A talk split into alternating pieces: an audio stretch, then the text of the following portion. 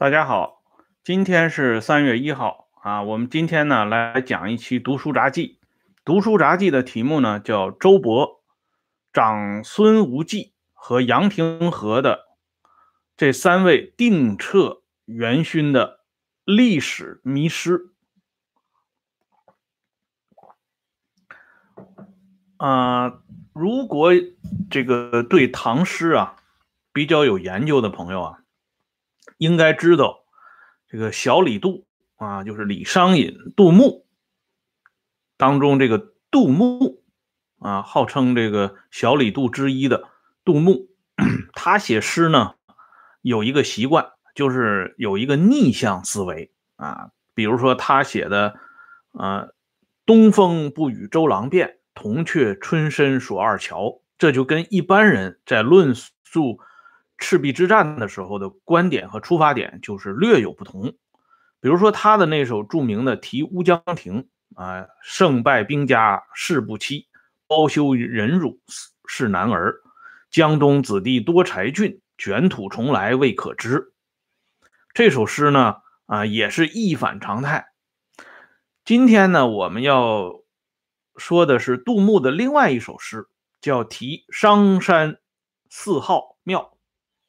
这首诗呢，呃，写的很有意思啊，我给大家呢，不妨来念一下：吕氏强梁四指柔，我于天性起恩仇。南君不袒左边袖，四老安刘是灭刘。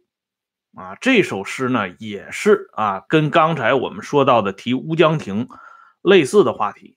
这里边呢，最重点的是后边这两句。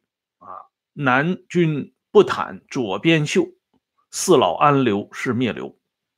啊，他说商山四号啊，本着以安刘的出发点来保护太子刘盈，就是后来的汉惠帝，其实呢都赶不上禁卫军中的南军左袒刘氏啊，然后呢响应太尉周勃的号召，起而诛杀吕氏后人啊，所以呢他有四老安刘是灭刘这一说法。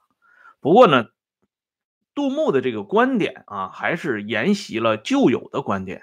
似乎呢，在吕后死了以后，吕氏家族有取而代之的这种倾向，或者说是迹象。这种说法呢，实际上已经经不起历史的考验了啊！因为呢，真正意义上的这场宫廷政变的主谋者，恰恰是宫室功臣之首的陈平。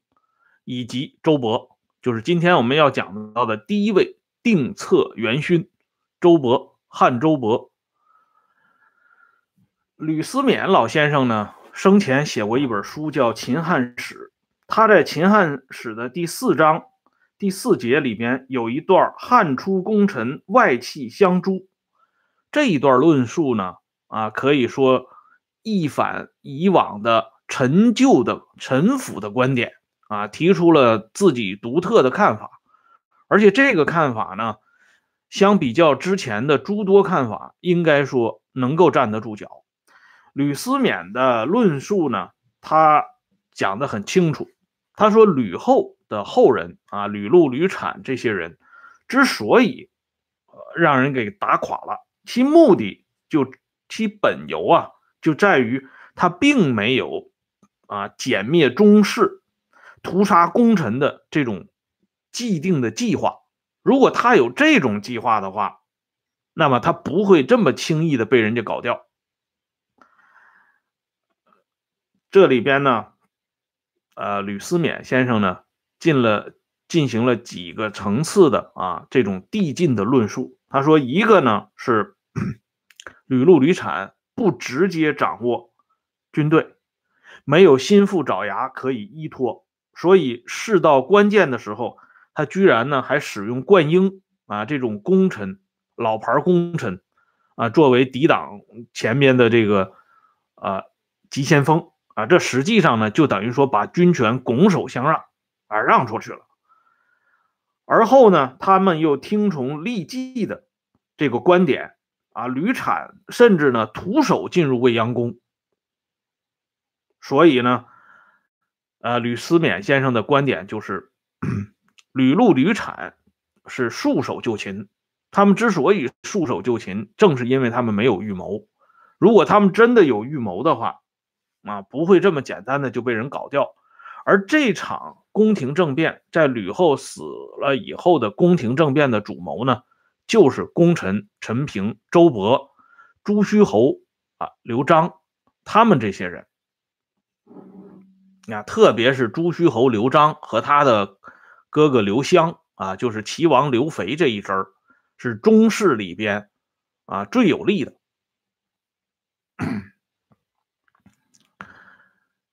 而当这些啊诸吕被诛杀之后，周勃、陈平啊以及中士里边的头面人物，大家呢在商量由谁来继立大统的时候，功臣集团和中士集团最终呢达成一个妥协的方案，就是抛弃。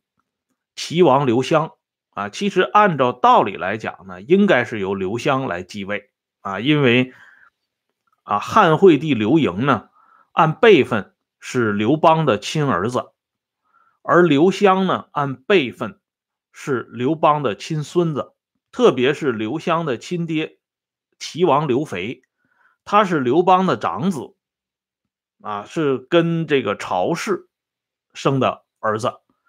啊，他年长于太子刘盈，只不过刘盈呢是由嫡出的这个吕后所生，所以有嫡立嫡，无嫡才能立长。可是现在呢，嫡子这一支儿他传不下来了，那只好回到长子这一系。按照封建的招募制度来解释呢，是解释得通的。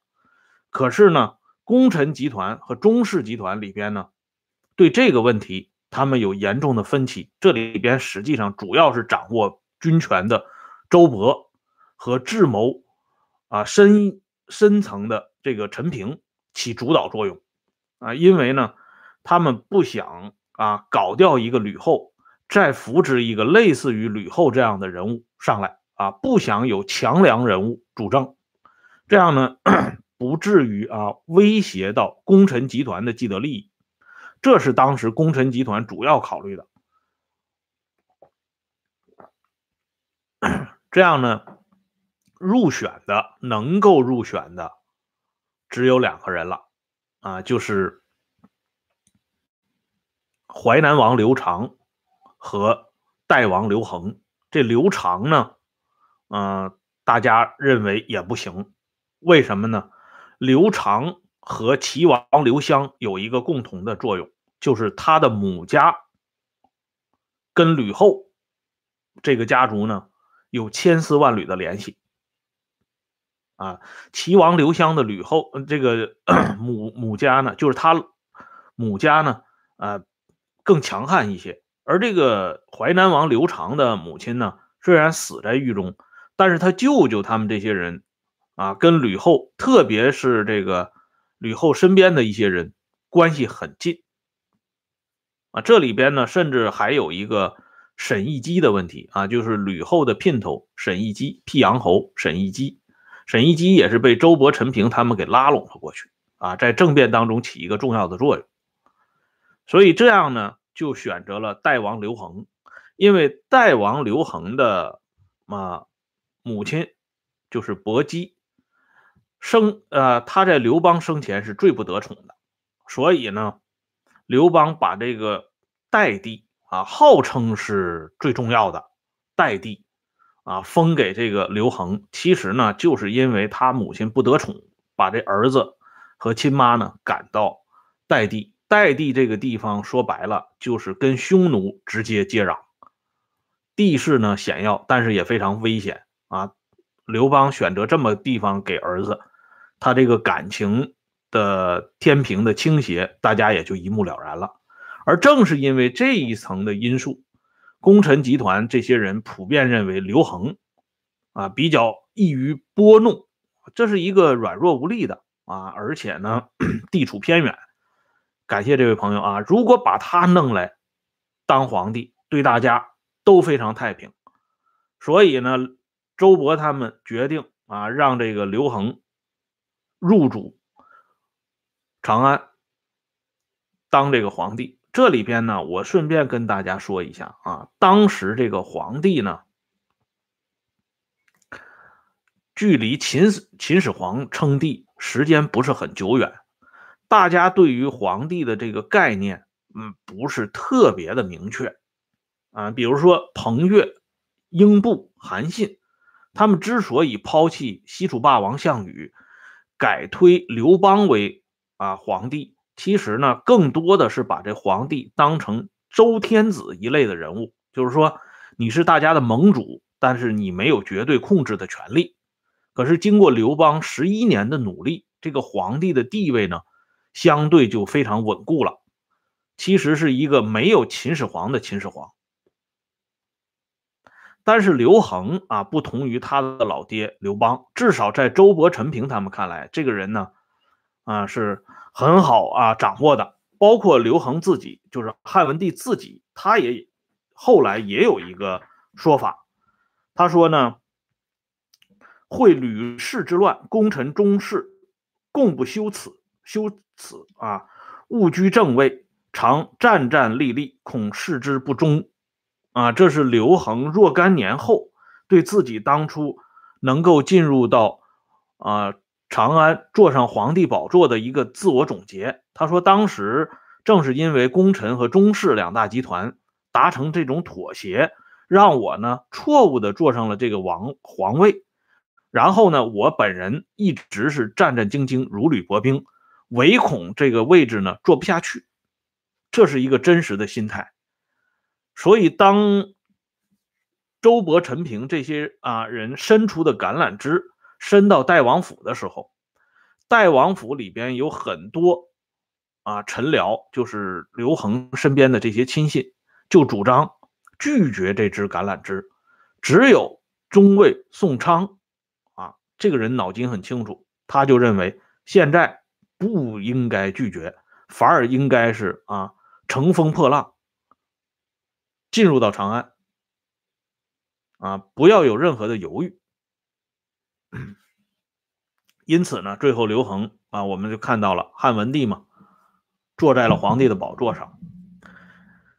可是他坐到皇帝宝座上之后，他就开始盘算着怎么能够把这位置坐稳啊。汉文帝我们都知道啊，这是一个封建王朝里边非常值得歌颂的这么一个皇帝，中国历史上啊，封建史上第一个治世啊盛世，所谓文景之治。就是由他亲手开创的，可是呢，人们却啊长期忽略了一点，就是汉文帝这个人啊，他因为是从外边啊过来的，从外地啊进入到京城的，他自己呢没有根基，没有足够的啊羽翼和亲信啊供其驱使和使用，所以呢，他在权谋方面上。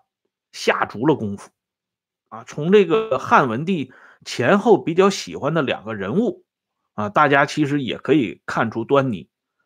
前面呢，他喜欢青年知识分子贾谊，啊，贾谊这个人啊，人称贾长沙，像苏东坡这些人呢，都为贾谊寄予了足够的同情，啊，甚至掉了很多的眼泪，认为贾谊呢，这个才气纵横，啊，可是呢，天不永年。非常值得可惜。其实，其实现在我们看一下，这贾谊啊，就是一个激进的左派。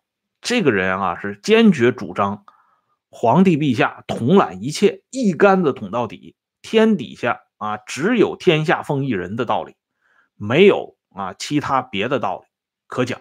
这是贾谊。后边呢，汉文帝喜欢一个宁姓叫邓通啊，这个人我们都知道，富可敌国呀。汉文帝准许他自己铸铜钱儿，哎，从他喜欢这两个人，我们就能够看出一点啊，这就是韦庆远先生啊曾经为我们提供的一个著名的观点。这个观点非常有意思啊，非常值得大家回味。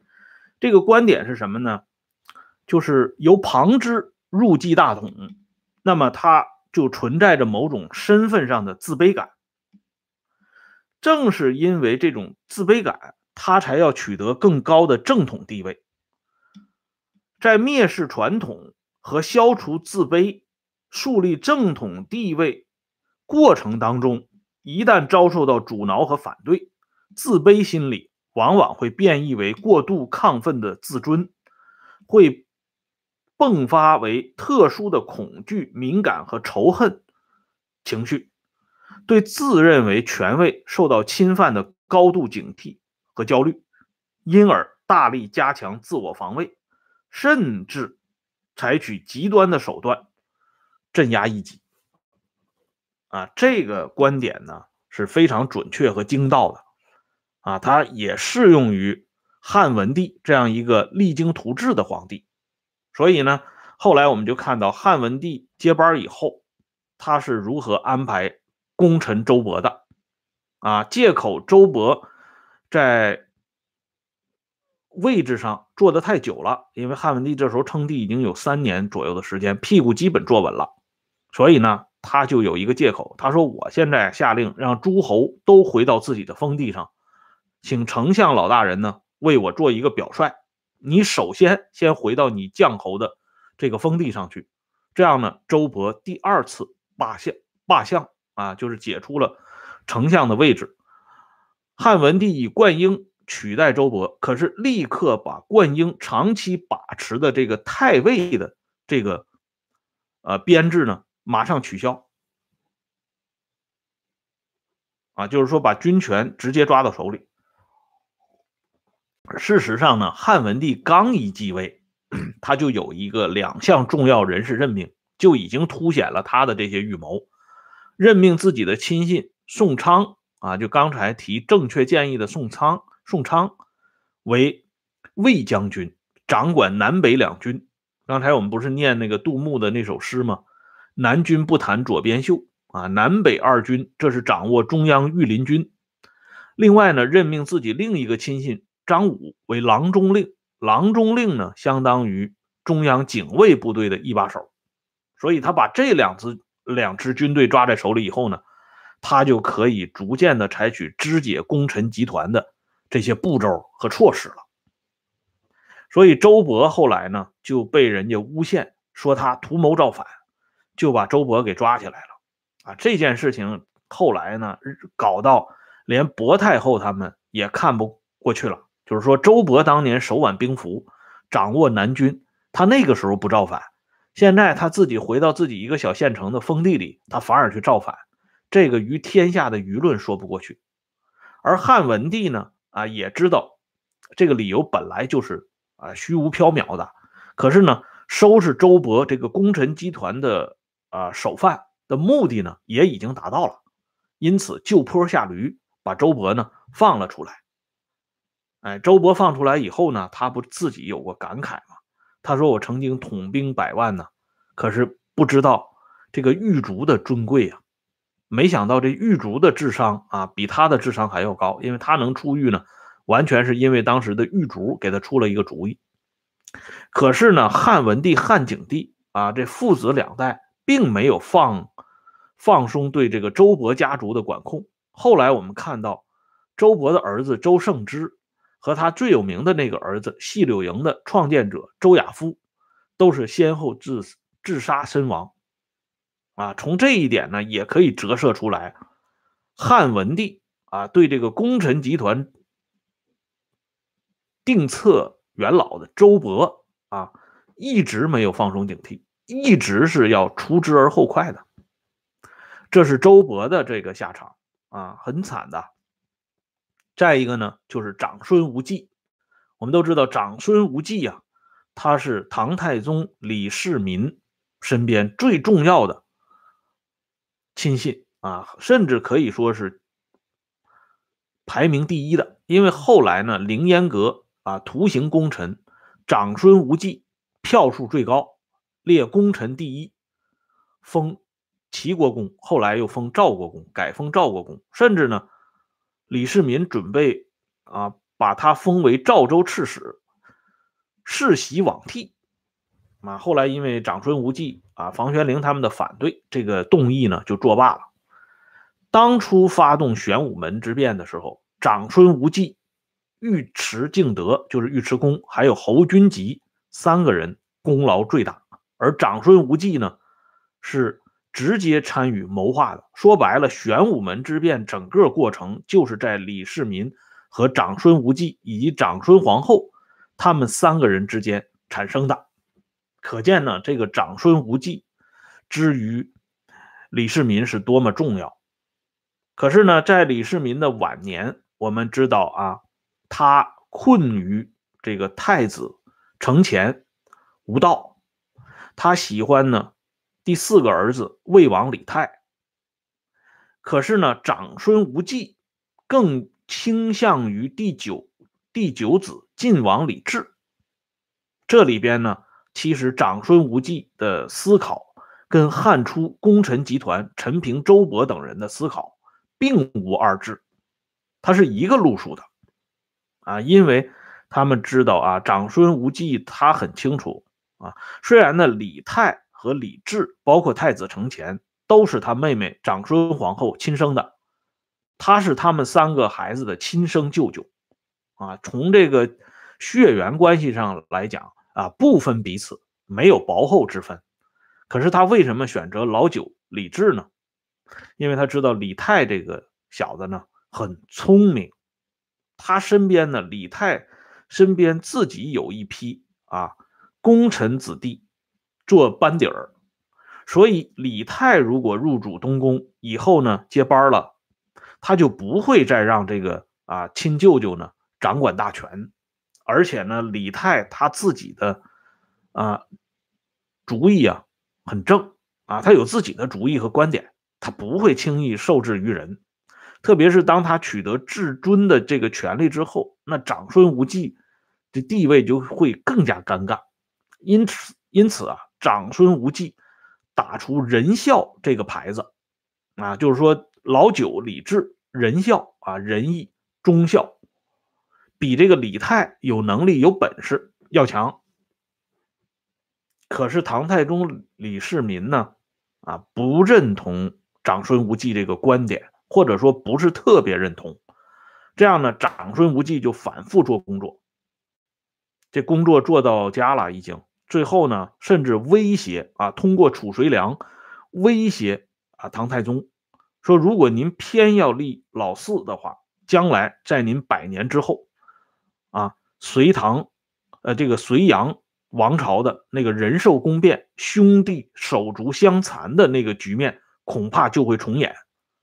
因为李世民是，他是隋炀帝杨广的表亲呢，他是知道这个隋炀当时是发生了什么样的惨绝人寰的呃政治斗争的，所以用这个话一一吓唬这李世民呢。李世民真的就是被啊给给蒙住了啊！这当然呢，也是因为李世民实在是认为长孙无忌啊，对于他们来讲太重要了，他需要自己的啊子孙呢得到这位啊第一号人物的这个朝朝臣中第一号人物的辅佐，所以呢，最后李世民啊曾经呢有过一个自自杀的这个念头。啊，历史上讲自投于床啊，拔出这个利刃要自己杀自己。这个时候呢，长孙无忌就把刀夺了过去，交给太子啊，交给晋王李治。李世民呢，被迫啊说出这样一番话啊，他说：“我欲立晋王啊，我想立这个老九。”长孙无忌抓住这句话，马上说：“谨奉诏，有异议者，陈情斩之。”啊。就接上皇上这句话了啊！既然你话已经出口了，就马上变成继承事实了。而且呢，长孙无忌当着李治的面向唐太宗发誓啊：“臣负陛下万死啊，就是绝不会辜负陛下的这个决定，也绝不会辜负晋王李治。”这样呢，李世民才决定把老九立为太子。可是立了以后不久呢。李世民还是后悔了，因为李治这个人太窝囊了。他呢想立老三吴王李克啊为太子，啊又把这个想法跟长孙无忌说了。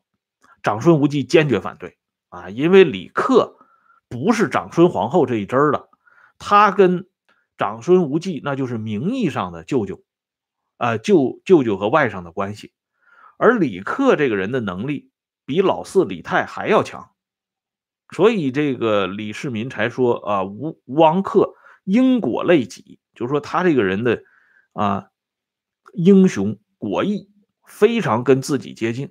这样一个人物，长孙无忌怎么能辅佐得了呢？所以长孙无忌坚决反对。啊，他提出的一个核心观点就是，吴王克是隋炀帝杨广的外孙，他身上流着一半杨广的这个血液。那如果立了李克，我们不是白忙活了吗？不相当于给杨广传宗接代了吗？其实长孙无忌的这个话是荤话。啊，如果这么解释的话，那李世李世民他们不也跟啊隋文帝杨坚有血缘关系吗？啊，包括李渊不也有这个血缘关系吗？这么解释能解释得通吗？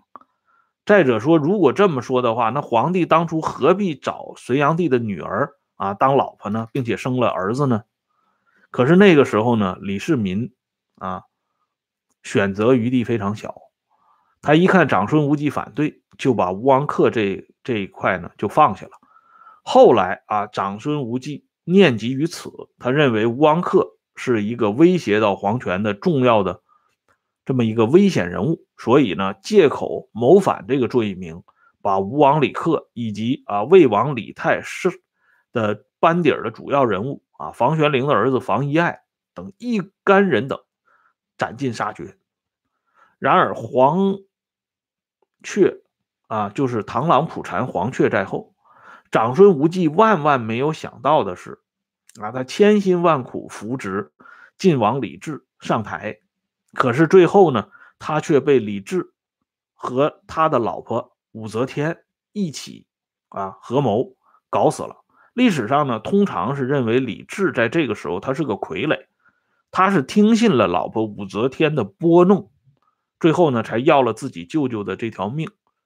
可是呢，我们回顾一下刚才的那个场景，啊，李世民拿着刀要刺刺这个要自己砍自己的时候，长孙无忌把刀夺下来交给晋王李治。这个场景，其实李治作为当事人啊，这么一个胆小如鼠的人，他看到这一幕，心里边不会有不会没有别的想法，因为。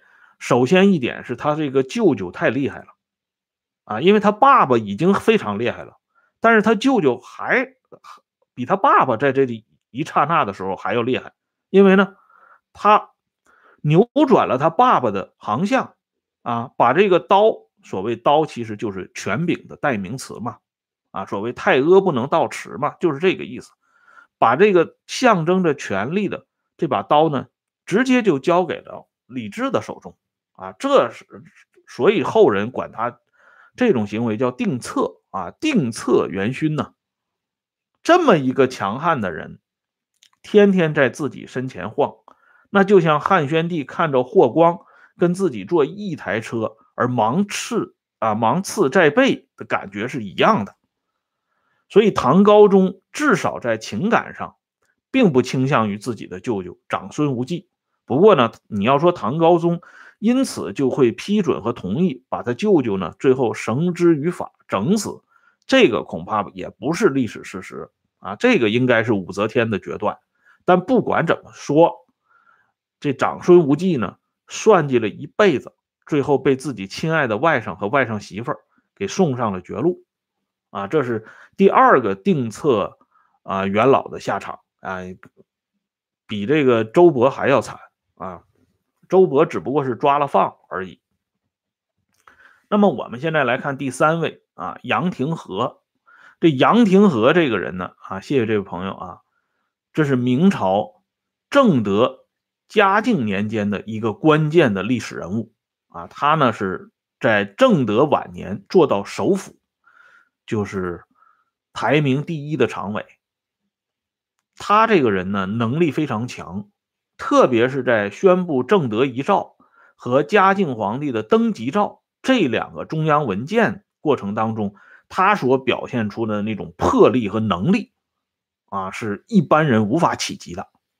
他呢，独立执掌朝纲三十七天，啊，只有三十七天，这在明朝历史上是非常罕见的，或者说是独一份啊。因为我们知道明太祖、明太祖属于宰相的权力，基本都已经收归到皇帝的手中。啊，所谓的内阁呢，就是秘书班子。可是杨廷和就是在这种情况下，他杀掉了啊前朝最得宠的啊江彬啊，这是典型的佞性，驱逐了一部分宦官，剥夺了一部分宦官的特殊权利，结束了正德末年的种种弊端，啊，宣布与大家呢啊更始为新。这是杨廷和最大的功绩，可是呢，杨廷和也处了一个最大的忌讳，那就是他要和嘉靖皇帝在这个嘉靖生父啊，就是我们熟知的大礼义这件事情上掰一掰腕子。他本来呢是从传统的儒家道德，还有一个呢就是隐性的因素，他是想呢。认认真真的辅佐这位年仅十五岁的嘉靖皇帝，干几件漂亮的事儿啊，为老百姓，为这个天下做几件实事儿，然后他才告退。这杨廷和并无政治野心，可是这些事情呢，就像我刚才给大家展示的韦庆远先生的那段话，这段话呢是出自于韦庆远先生的《隆庆皇帝大传》啊这本书当中，嗯，大家可以找来看一下。嘉靖皇帝这个人啊，我们这个读书杂记做过两次嘉靖皇帝的节目。嘉靖皇帝比起汉文帝和唐高宗，那就更不一样了。汉文帝呢，这个人他玩权谋不假，但是这个人更多的是走正道啊，与民休养生息这一点，很多皇帝是赶不上的。啊，在位二十三年，汉朝度过了最危机的时候。啊，迎来了最光彩的时刻。唐高宗呢，虽然本人窝窝囊囊，但是他的永徽年间呢，延续了贞观的这个盛世的一部分内容。啊，这也算是啊守成之主。可是嘉靖不是，嘉靖是一个混世魔王。这个人一辈子啊，最喜欢的东西就是怪力乱神。哎，怪力乱神，其实万变不离其中。最根本的一点，他搞乱人们的视听啊，混淆人们的是非啊，香臭不分，真假不辨。其核心在于，你们都要听我的，谁不听我的，我就搞掉谁，丝毫不假以辞色。啊，即便是对这位定策元勋杨廷和，那也是毫无例外。不仅把杨廷和搞垮了，也把杨廷和的儿子杨慎这些人啊，也给搞得最后一生啊没有翻身。杨廷和的冤案，直到嘉靖皇帝死了以后，由他的儿子明穆宗上台呢，才宣布给杨廷和部分恢复名誉。但是这个时候呢，已经整整三十多年过去了。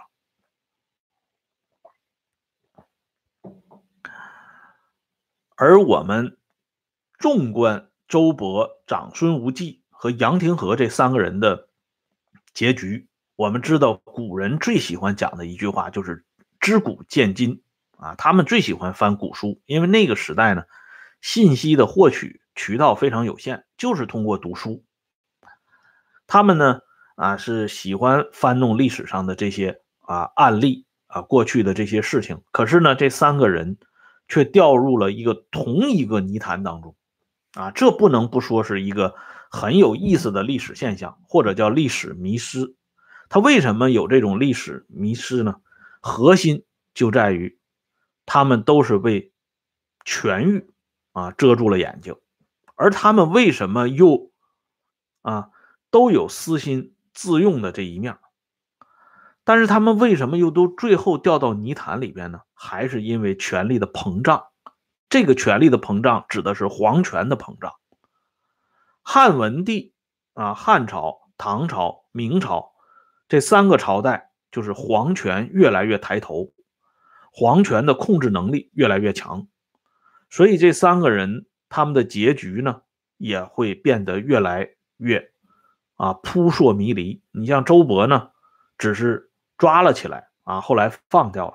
长孙无忌虽然被逼死，可是他死后十多年以后，唐高宗亲自啊为长孙无忌平反，追复长孙无忌的公爵，就是赵国公，由长孙无忌的孙子长孙元义来承袭。长孙无忌的亲爹长孙成的庙呢，也得到修复。就是说，当朝发生的冤案，当朝就给平反了。哎，这也还算说得过去。包括武则天后来执政，也没有再难为过长孙家族。然而杨廷和呢？啊，他们父子却是踏上亿万只脚啊，几乎是永世不得翻身。啊，至少在嘉靖朝，他们受到的是这个待遇。哎，所以在皇权不断扩张之后，这些定策元老一旦走入到历史迷失的这个泥潭当中，那就是万劫不复。哎，其实呢，这个原因就是这么简单，只不过呢，周勃、长孙无忌和杨廷和的悲剧呢，并没有结束，因为基础没有变嘛，他们的悲剧并没有结束。后来呢，愿意扮演他们三个人的角色的人却是大有人在。好了，今天呢，咱们这个节目呢就说到这里，感谢朋友们的打赏和支持，我们明天接着聊。